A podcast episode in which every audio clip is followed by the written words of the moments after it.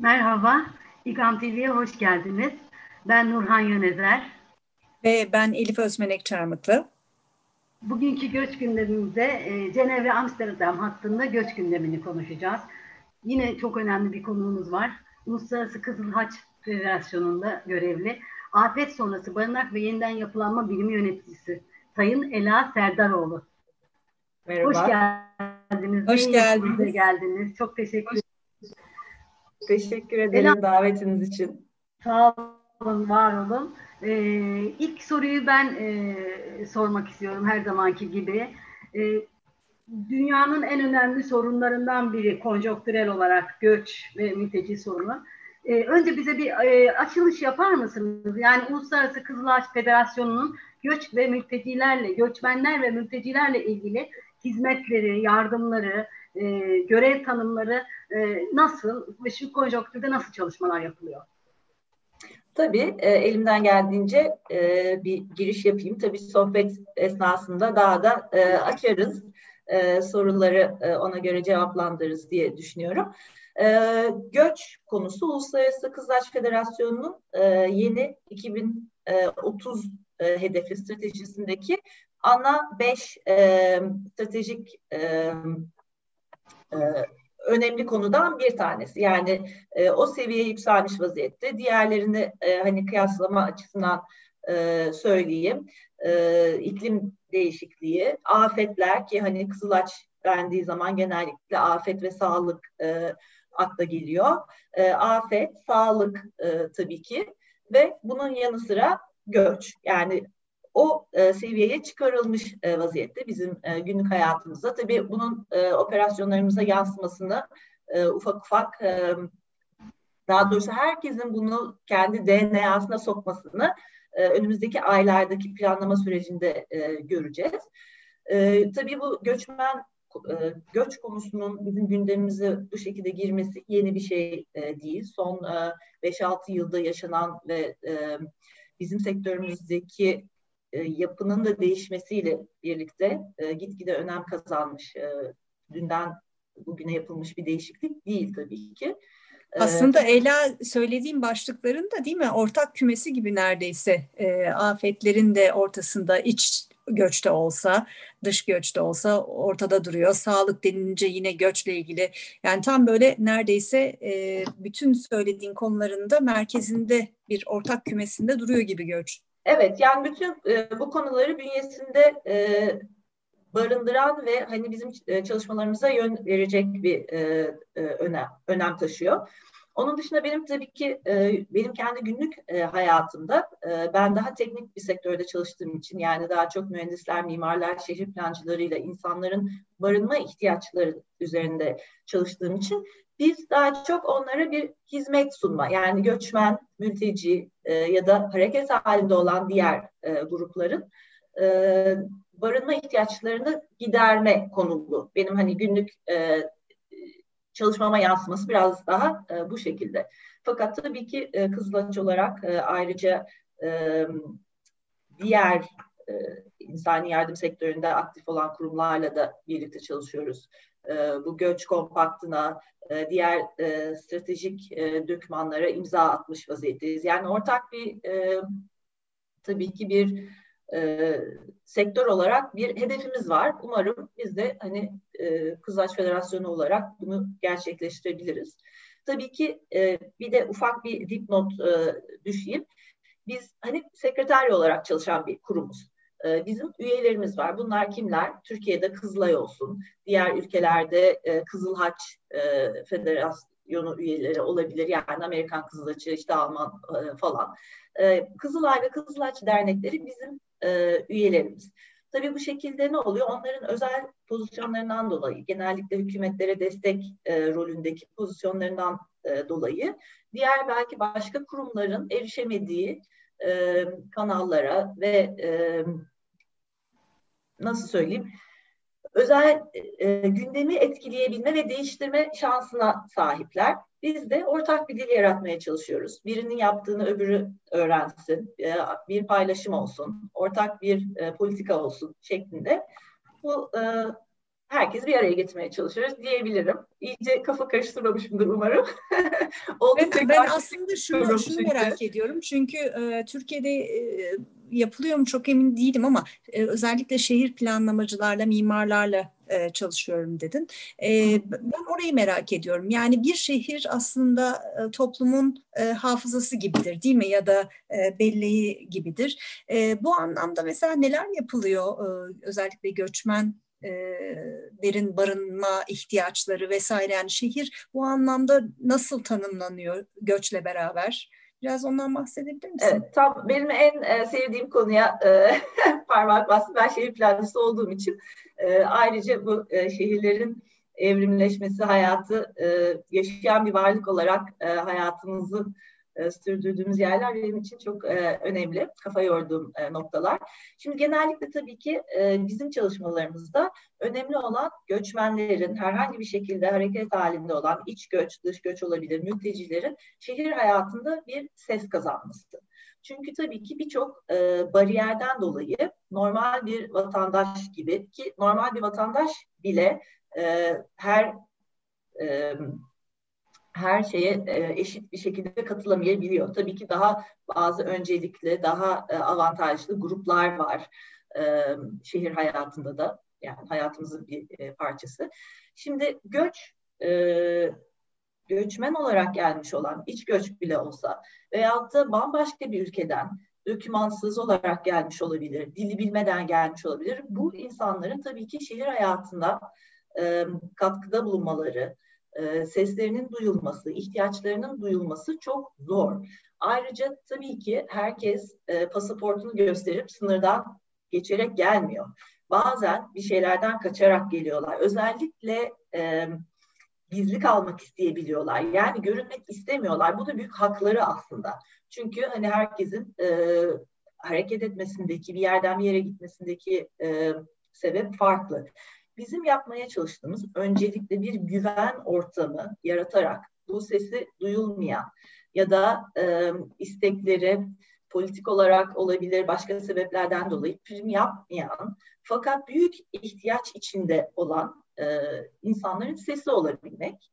E, artı e, bilgi, tabii ki biliyorsunuz şu anda bilgi en büyük ihtiyaçlardan ve e, hatta bazen hani paradan bile daha değerli hale gelmiş vaziyette.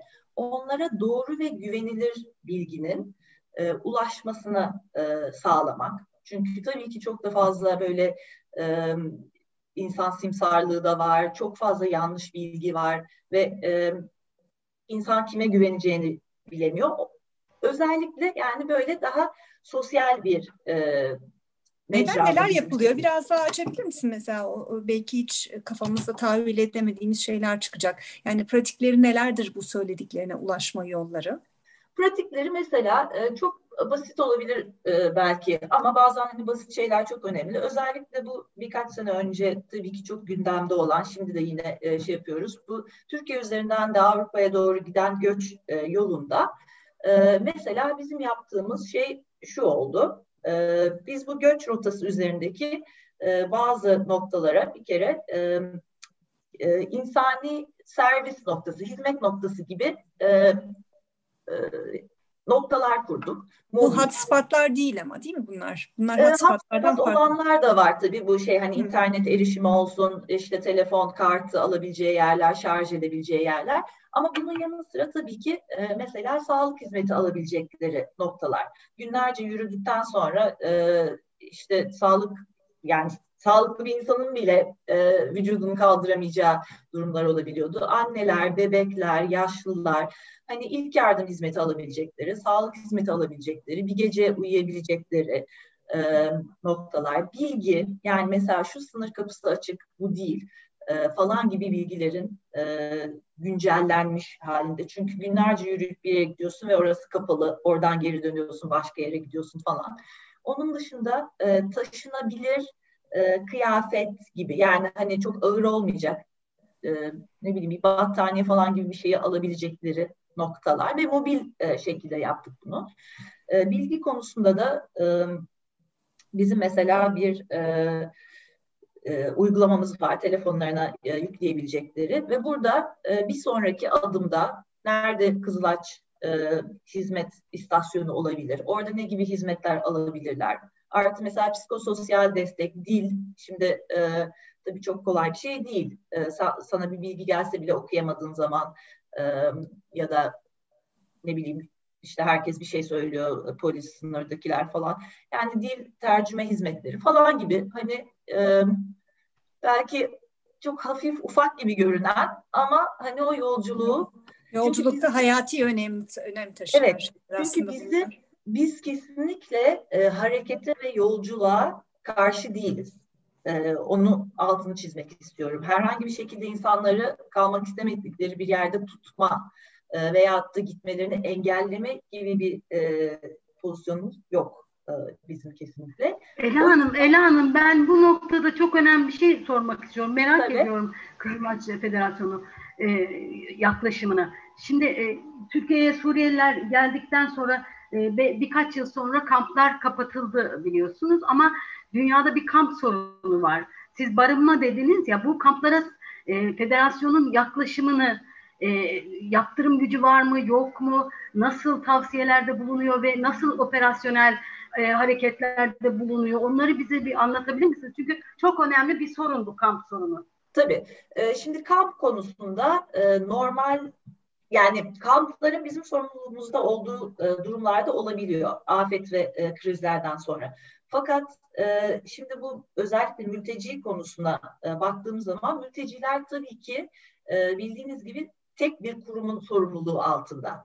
O da Birleşmiş Milletler e, Mülteci e, Yüksek Komiser. Daim, daimi komiser. Daimi temsilci. Yani e, mültecilerin e, bütün ihtiyaç kampta dahil e, genellikle onların sorumluluğuna giriyor. Orada herhangi bir şekilde Kızılaç e, Federasyonu'nun fazla ya da ulusal derneklerin fazla bir e, kampla ilgili, kamp yönetimiyle ilgili fazla bir rolü olmuyor. E, bizim aldığımız rol o kampta verilen hizmetler bazında olabilir. Sağlık hizmetleri olabilir, e, işte e, eğitim hizmetleri olabilir veyahut da e, toplum merkezi hizmetleri olabilir. Yani kampın içindeki hayatın gerektirdiği hizmetleri e, verebiliyoruz ya da koordine edebiliyoruz. Genellikle ulusal dernekler oluyor tabii bunu yapan Türkiye'de Kızılay e, tabii ki. Fakat kampın yönetimi, kampın e, tedariği onlar genellikle e, e, daimi temsilciliğin oluyor. Şimdi tabii şeyde bu mülteci statüsü olan yerlerde. Onun dışında tabii ki e, göçmenler yani daha farklı gruplar bir araya geldiği zaman e, çok fazla bir kamp oluşumu olmuyor. Çünkü bir yoğunluk olmuyor. Aynı yerde kalmak istemiyorlar. E, ve yani aslında ama genel olarak pardon da... pardon Ela sözünü kesiyorum ama orada da tabii hani evet mülteciler gibi bir kamp ortamı olmuyor ama orada da hızlı bir getolaşma sorunu var zannedersem Avrupa genelinde. E, oralardaki sıkıntıları da belki hani bir dipnot olarak belirtmek önemli değil mi? Bu getolaşma ciddi bir sıkıntı olarak çıkıyor göç konusunda karşımıza şehirlerde.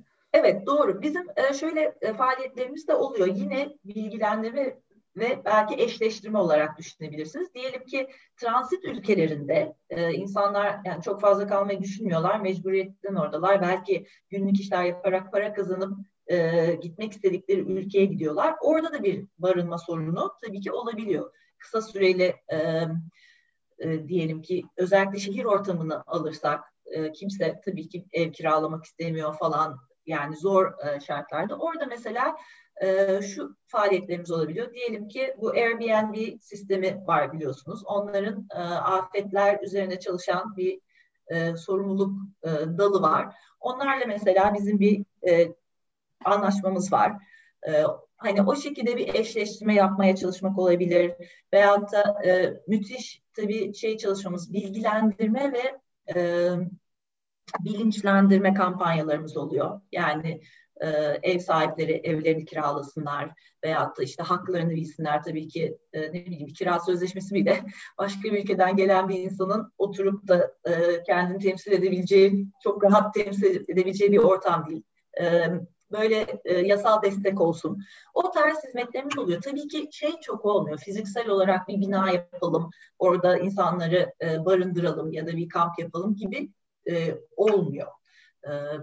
Bazen tabii e, böyle hani kısa süreli kalınacak yerlerin ayarlanması falan olabiliyor. Barış ülkelerinde tabii ki en önemli e, hizmet yine sosyal destek, e, topluma kazandırma, topluma dahil etme, e, ne bileyim dil öğretme, e, meslek edindirme bu tarz e, çalışmaları ulusal derneklerin çok çok e, oluyor. Tabii ki bu e, Avrupa'ya göç e, şeyinde döneminde mesela Alman kız açının ben bir e, yani kamp demeyeyim ama kamp gibiydi. Yani e, prefabrik yapılardan yapılmış bir prefabrik kent gibi diyeyim e, yerini ziyaret etmiştim. E, yani orada yönetimini yapıyorlardı. Ben demin dedim ya mültecileri biz yapmıyoruz çok. Fakat varış ülkesinde tabii bir anda özellikle de e, Birinci Dünya ülkesi ise birçok e, kanunların, uygulamaların, kuralların olduğu bir ortama e, geliniyor. Çok fazla e, aktör var. Kim neden sorumlu?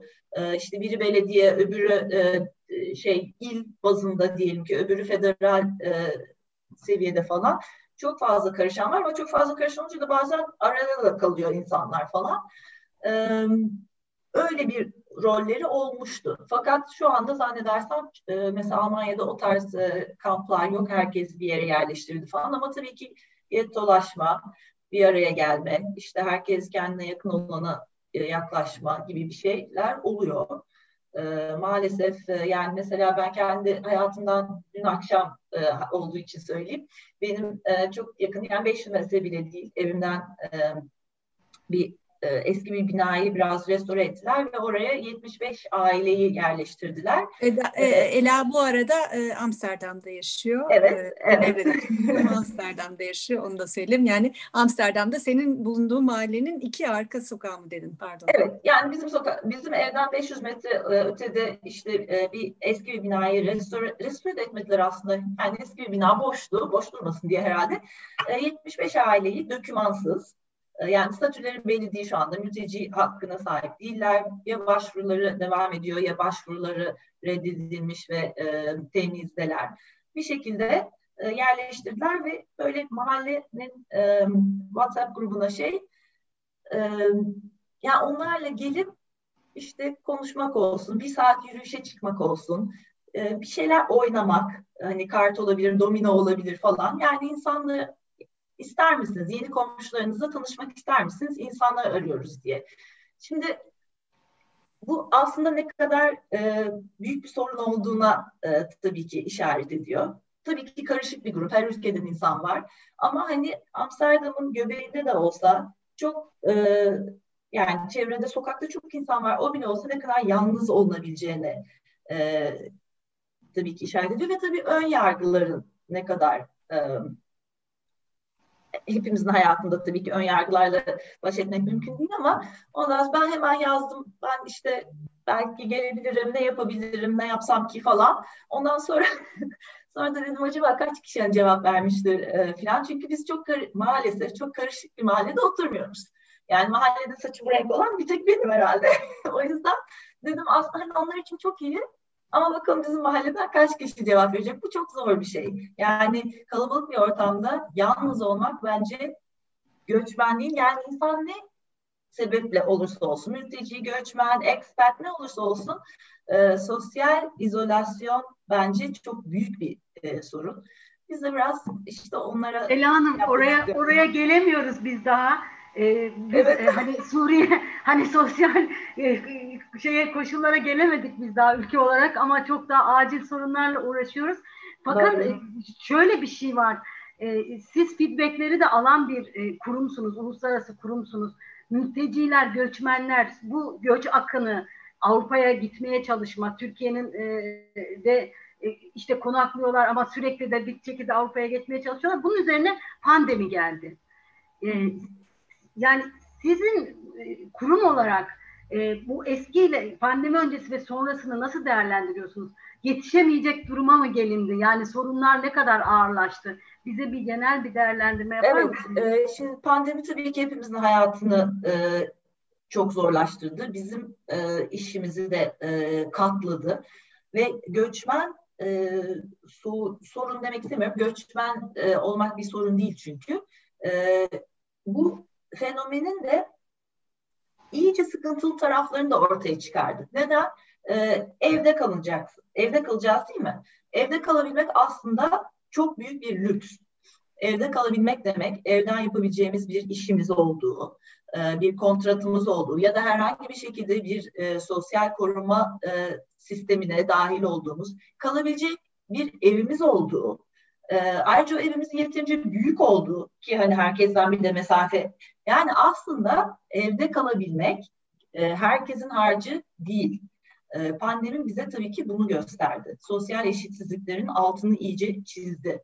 E, eğer o akşam yiyeceğimiz yemeği o gün çalışarak kazandığımız parayla alıyorduysak dışarı çıkamamak bir seçim değil. Yani dışarı çıkmak bir mecburiyet. Şimdi göçmen e, dediğim gibi mülteci olsun, göçmen olsun, e, dökümanlı, dökümansız bir nerelerde kalabilirler bu kadar uzun süre?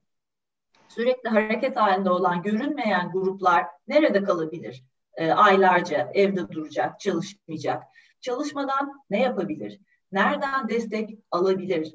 E, ayrıca müthiş bir e, ön yargı. Sanki başka ülkelerden gelenler e, işte hastalığı getirmiş, onlar hastalığı yayacak e, gibi bazı yersiz e, ön yargılar ve e, kötülemelerle de karşılaştık. Yani gerçekten e, göçmenler için çok çok zor oldu. İç ve dış. E, eminim ki hani siz de gazetelerden takip etmişsinizdir. İç göç almış olan Hindistan gibi ülkelerde insanlar köylerine dönerken yol kenarlarında açlıktan öldüler. Yani o kadar e, günlük kazandığı parayla e, hayatını idame ettirip günlük parasını kazanamadığı için ailesiyle insanlar sersefil oldu. Yani e, 21. yüzyıla yakışmayan e, insanı insanlığından utandıran durumlarla karşılaşıldı. Hala da devam ediyor e, pandemi yüzünden. O yüzden e, yani bence hem e, problemlerin boyutunu artırdı hem e, altını çizdi ve bize e, böyle artık gözümüze e, soktu diyeceğim problemleri e, Aslında Avrupa'da ben, bile. Ben e, buradan şu e, daha yayın öncesinde de e, Ela ile konuşurken e, bu konuya değindik. E, pandemi bu süreci çok arttırdı tabii şey olarak ne denir ivmelendirdi zaten şey olan zor olan bir durumu iyice aşağı doğru hızla giden bir şeysi oldu. Orada da konuşurken sen yıllardır Kızıl Haç'ta çalışıyorsun ama insani yardım vesaire gibi değişik derneklerle, örgütlerle de bir araya geliyorsun. E, daha önce yayından önce konuşurken şunu söylemiştik. Yani genel bir sıkıntı var burada. Özellikle e, yardıma muhtaç gruplar arasında e, göçmen grupları arasında tabii. Yani bunlara balık vermek mi, balık tutmayı öğretmek mi e, dileması yaşanılıyor. Yani e, şu andaki e, bu insani yardım kurumlarının e, balık tutma öğretme yetileri e, ya da becerileri konusunda sen ne düşünüyorsun, nasıl görüyorsun? Çünkü eğer e, bu insanlar oldukları ülkelerde gerçekten balık tutmayı öğrenmezler ise e, senin söylediğin manzaralarla 21. yüzyıla yakışmayan manzaralarla çok karşılaştık. Karşılaşmaya da devam edeceğiz gibi duruyor. Sen ne düşünüyorsun? Genel tutum nasıl? Evet, şimdi tabii ben, e, benim kişisel fikrim tabii ki her zaman balık tutmayı öğrenmek ve insanların kendi seçimlerini yapabilecekleri duruma getirmek. Hiç kimse e, başkasından alacağı yardımla hayatını idame ettir, ettirmeyi istemez. Ayrıca kendi bir gelecek kuramaz. Kendine ve e, ailesine başkasının merhametine kalarak e, bir gelecek kurmak uzun vadede mümkün değil bence. Tabii şöyle bir e, durum oluyor. Bazen iki yaklaşımın da aynı anda e, olmasını gerektiren durumlar oluyor. Bir geçiş sürecinde yani balık tutmayı öğrenene kadar tabii günlük olarak da açlığını gidermek lazım. Yani orada bir destek programı olarak e, olabilir. Fakat uzun vadede onlara gerekli e, donanımı vermek ve e, topluma toplumun gerçek olarak bir parçası haline e, getirebilmek tabii ki bence daha önemli olan şey. Fakat maalesef e, göç durumunda birazcık e, şöyle bir sıkıntı da e, oluyor. Tabii çok politik bir konu olduğu için e, bazen mesela e, bize verilen kaynaklar, e, bu konuda çalışan kurumlara kaynaklar sadece kısa süreli e, yardımlara yardımlar için kullanılmak üzere e, kısıtlanmış olabiliyor. Bazı e, yani çünkü e, yine yayından önce de konuşmuştuk Nurhan Hanım'la hani dil çok önemli, bazı kelimeler çok önemli. Eski travmalar yani toplumsal travmalar mesela şundan örnek vereyim. E, Lübnan diyelim ki Lübnan'da e, daha yani çok uzun süredir yaşanan e, göçle ilgili, mültecilerle ilgili e, problemlerden dolayı mesela Lübnan'da herhangi bir şekilde e, barınma ve e, hayat kazandırma yani bu shelter and livelihoods dediğimiz konuları o etiketi koyarak bir program yapmak mümkün değil. Tamamıyla e, şey e, hükümet tarafından e, kabul edilmiyor. O zaman maalesef ne duruma düşüyoruz? 10 sene de sürse bu e, akut durum 10 defa acil yardımı tekrarlama durumuna düşüyorsun. Halbuki ilk sene yapıp 9 seneyi e, uzun vadeli bir şeye yatırabilsek çok daha aslında yatırdığımız paranın üzerine getirisi de çok daha e, iyi olacak. Fakat bazen maalesef e, bu donörlerin politikalarından dolayı böyle bir kısır döngüye e, şey yapıyoruz. Yani ben kendi sektörümden örnek vereyim. 10 sene üst üste çadır dağıtıyoruz. Şimdi bu çok verimli olmuyor tabii ki. Çünkü o insanları o seviyede tutuyorsun. Yani iki arada e, ileri de gidemiyorlar, geri de gidemiyorlar. Sürekli bir acil durum e, halinde tutuyorsun. Bu yani bence hiç e, e, güzel değil. Bizim söylemimiz de e, kurum olarak bakışımız da ileriye e, yönelik ve insanların e, hayatlarını tekrardan kurmalarına destek e, olarak şekillenmiş vaziyette. Fakat tabii ki paranın gerçeği de var e, maalesef. E, işte biz de o arada bir e, optimum bir durum yaratmaya çalışıyoruz. E, en azından bir taraftan yardım ederken bir taraftan e, hükümetlerle tabii e, bir diyalogumuz var. Değiştirmek, e, kamuoyunun fikrini ama donörleri de değiştirmeye çalışıyoruz. Tabii bunlar yavaş süreçler. İnsanlar fikirlerini değiştirmiyorlar. E, seçim oluyor, yeni bir e, yönetim geliyor, tekrar başa dönüyoruz falan. Yani biz umudumuzu kaybetmeden devam ediyoruz. E, e, Ela Hanım şeyi soracağım. Şimdi şehir planlamacısınız ya. Benim evet. kafa yorduğum bir şey var bu getolaşma üzerine. Çünkü biliyorsunuz yıllar önce Almanya'da da çok tartıştığımız Türklerin getolaşması çok tartışılı bir konu. Şimdi biz de mesela İGAM'ın e, e, Keçiören'de bilgilendirme ve destekleme ofisi var. Oralarda yoğunlaştılar. Keçiören'de, Altındağ'da, Mamak'ta yoğunlaştılar. E, fakat bir taraftan da sosyal uyumu konuşuyoruz. Hatta Türkiye 2018 yılını uyum yılı ilan etti. Hani diyelim ki döküman dil konusu, biraz e, eğitim konusu, gıdaya erişim konusu biraz halloldu.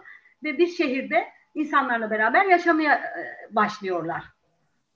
Şimdi burada özgürlüklere müdahale ile e, gettolaşmayı önleme arasında ince bir çizgi var. Hani kim nereye isterse orada oturabilir. Ama acaba şehir planlamacılar şehir e, şehri evriltirken göçle beraber burada bir müdahaleci tavır olabilir mi sizce? Yani çok e, şey sesli düşünüyorum. Yani e, bu getolaşmayı ve sosyal uyumu sağlamayı e, şey yapacak, amaçlayacak. Evet, e, tabii onun birçok e, yöntemi olabilir. Yani fiziksel alanı e, planlarken de bazı e, şeyler yapılabilir. Fakat tabii ki şehir planlamada her zaman e, attığımız bir adımın etkisi çok sonra e, görülüyor. E, o yüzden onu çok doğru olarak e, tahmin edip e, şehrin kullanımının o şekilde yani birebir bizim düşündüğümüz şekilde tutturmak çok zor tabii ki. Bunlar 10 yıllık, 20 yıllık, 30 yıllık e, planlar. Ama e, şehri Ama tabii şimdi Türkiye Türkiye'nin şartlarıyla da düşünürsek yani mesela buradan e, söyleyeyim Amsterdam'dan e, Amsterdam'ın belediyesi şu anda oldukça e, sol e, görüşte. Mesela e, kira politikaları var. Evet. E, işte her mahalledeki belli bir sayıdaki konut sosyal konut olmak durumunda. Şimdi sosyal konut nasıl? Tabii daha alt e, gelir e, düzeyinde olan insanların da e, şey yapabileceği bir puan sistemi var falan. E, bu şekilde e, mahallelerin İstem dışı, ha bu da belki başka insanlar şey diye düşünebilir. Ya benim hani e, mahallemi niye kontrol ediyorsun? Ben niye burada e, hani bu işin karşı tarafı da var, madalyonun öteki tarafı. E, fakat bir şekilde e, daha böyle e, karışık, e, daha böyle kozmopolit, multikültürel e, mahalleler yaratılmaya çalışıyor. Çünkü burada tabii şöyle bir şey de var. Bence e, şehir planlamadan çok eğitim politikaları e, çok önemli. E, göç e, konusunda ön yargıların değiştirmesi için.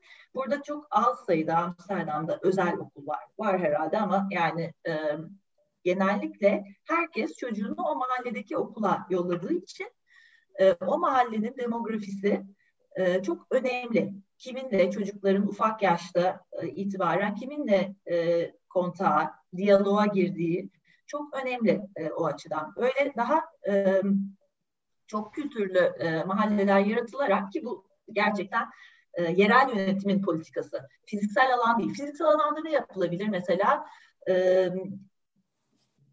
insanların bir araya geleceği park olabilir, e, birlikte kullanabileceği alanların çoğaltılması. E, evet. Kaynaşmak ortak alanlar. Çok ortak alanların e, yeşil alan olur, e, ne bileyim toplum merkezi olur, e, spor, spor tabii özellikle genç yaşların kaynaşması için çok önemli. E, bunlar tabii fiziksel alanda yaratılabilir e, planlama açısından. Ama dediğim gibi eğitim ve yerel yönetimlerin politikası da çok e, önemli. Dediğiniz gibi yani tabii bunlar yeni kavramlar değil. Benim e, çok yakın bir arkadaşım şeyden liseden bir arkadaşım Almanya'da eğitim görmüştü. Oradayken böyle bir sosyal konularla ilgilenen bir Türk e, e, sivil toplum kurumunda e, anketör olarak çalışıyordu. Şey söylemişti, böyle arıyormuş e, Türk aileleri ve diyormuş ki çocuklarınız Alman çocuklarla oynuyor mu? Çok sık aldığı bir cevap şu. Yok bizim mahallede hiç yabancı yok. Şimdi bu çok komik bir cevap aslında. o kadar kendisini Türkiye Türk ortamında görüyor ki ülkesinde yaşadığı Almanlar bizim mahallede hiç yabancı yok. Yani bu da tabii şeyi e, yeni e, sorunlar değil tabii ki bunlar ama e, aslında çok değişik bir şey daha söyleyeyim. Eski göçmenlerin yeni göçmen gruplarına bakışı da tabii ki. Kendilerine uygulanan her şeyi ya da ön yargı, herkeste ön yargı var doğal olarak. E, biz geldik, biz yerimize hak ettik. Şimdi bunlar ki e, bizi tehdit ediyorlar gibisinden bir de yani sadece e, göçü alan halk değil, diğer göçmenlerle de e, şey yapmak gerekiyor. Yani aslında güzel bu kadar e, çok kültürlü bir ortamda şey yapmak. Yani beni inşallah seçerler buradaki mahalledeki şeye, gönüllü şeye. evet. Evet, göç e, gerçekten e, başka ülkeler. Ne, şimdi e, Tabii ancak göçmen olan, olan anlar diyorsun sen bazı şeyleri. Ben de böyle e, sen konuşurken içim cız ediyor hakikaten 15 sene göçmen olarak e, bir başka bir yerde yaşayan birisi olarak.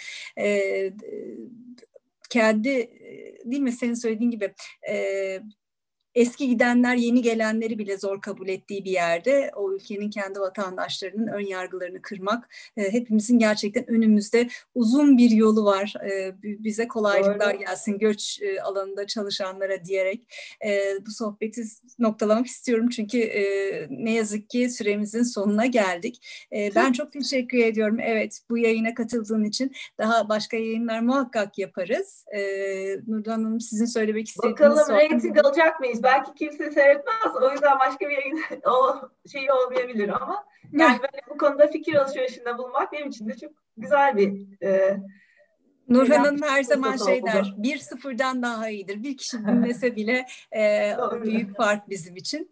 E, biz çok, çok faydalandık en azından. Ben teşekkür ederim. Çok sağ olun. Beni de düşündünüz. E, bir katkıda bulunabileceğimi düşündünüz. E, katıldım. Teşekkür ederim. Sağ olun.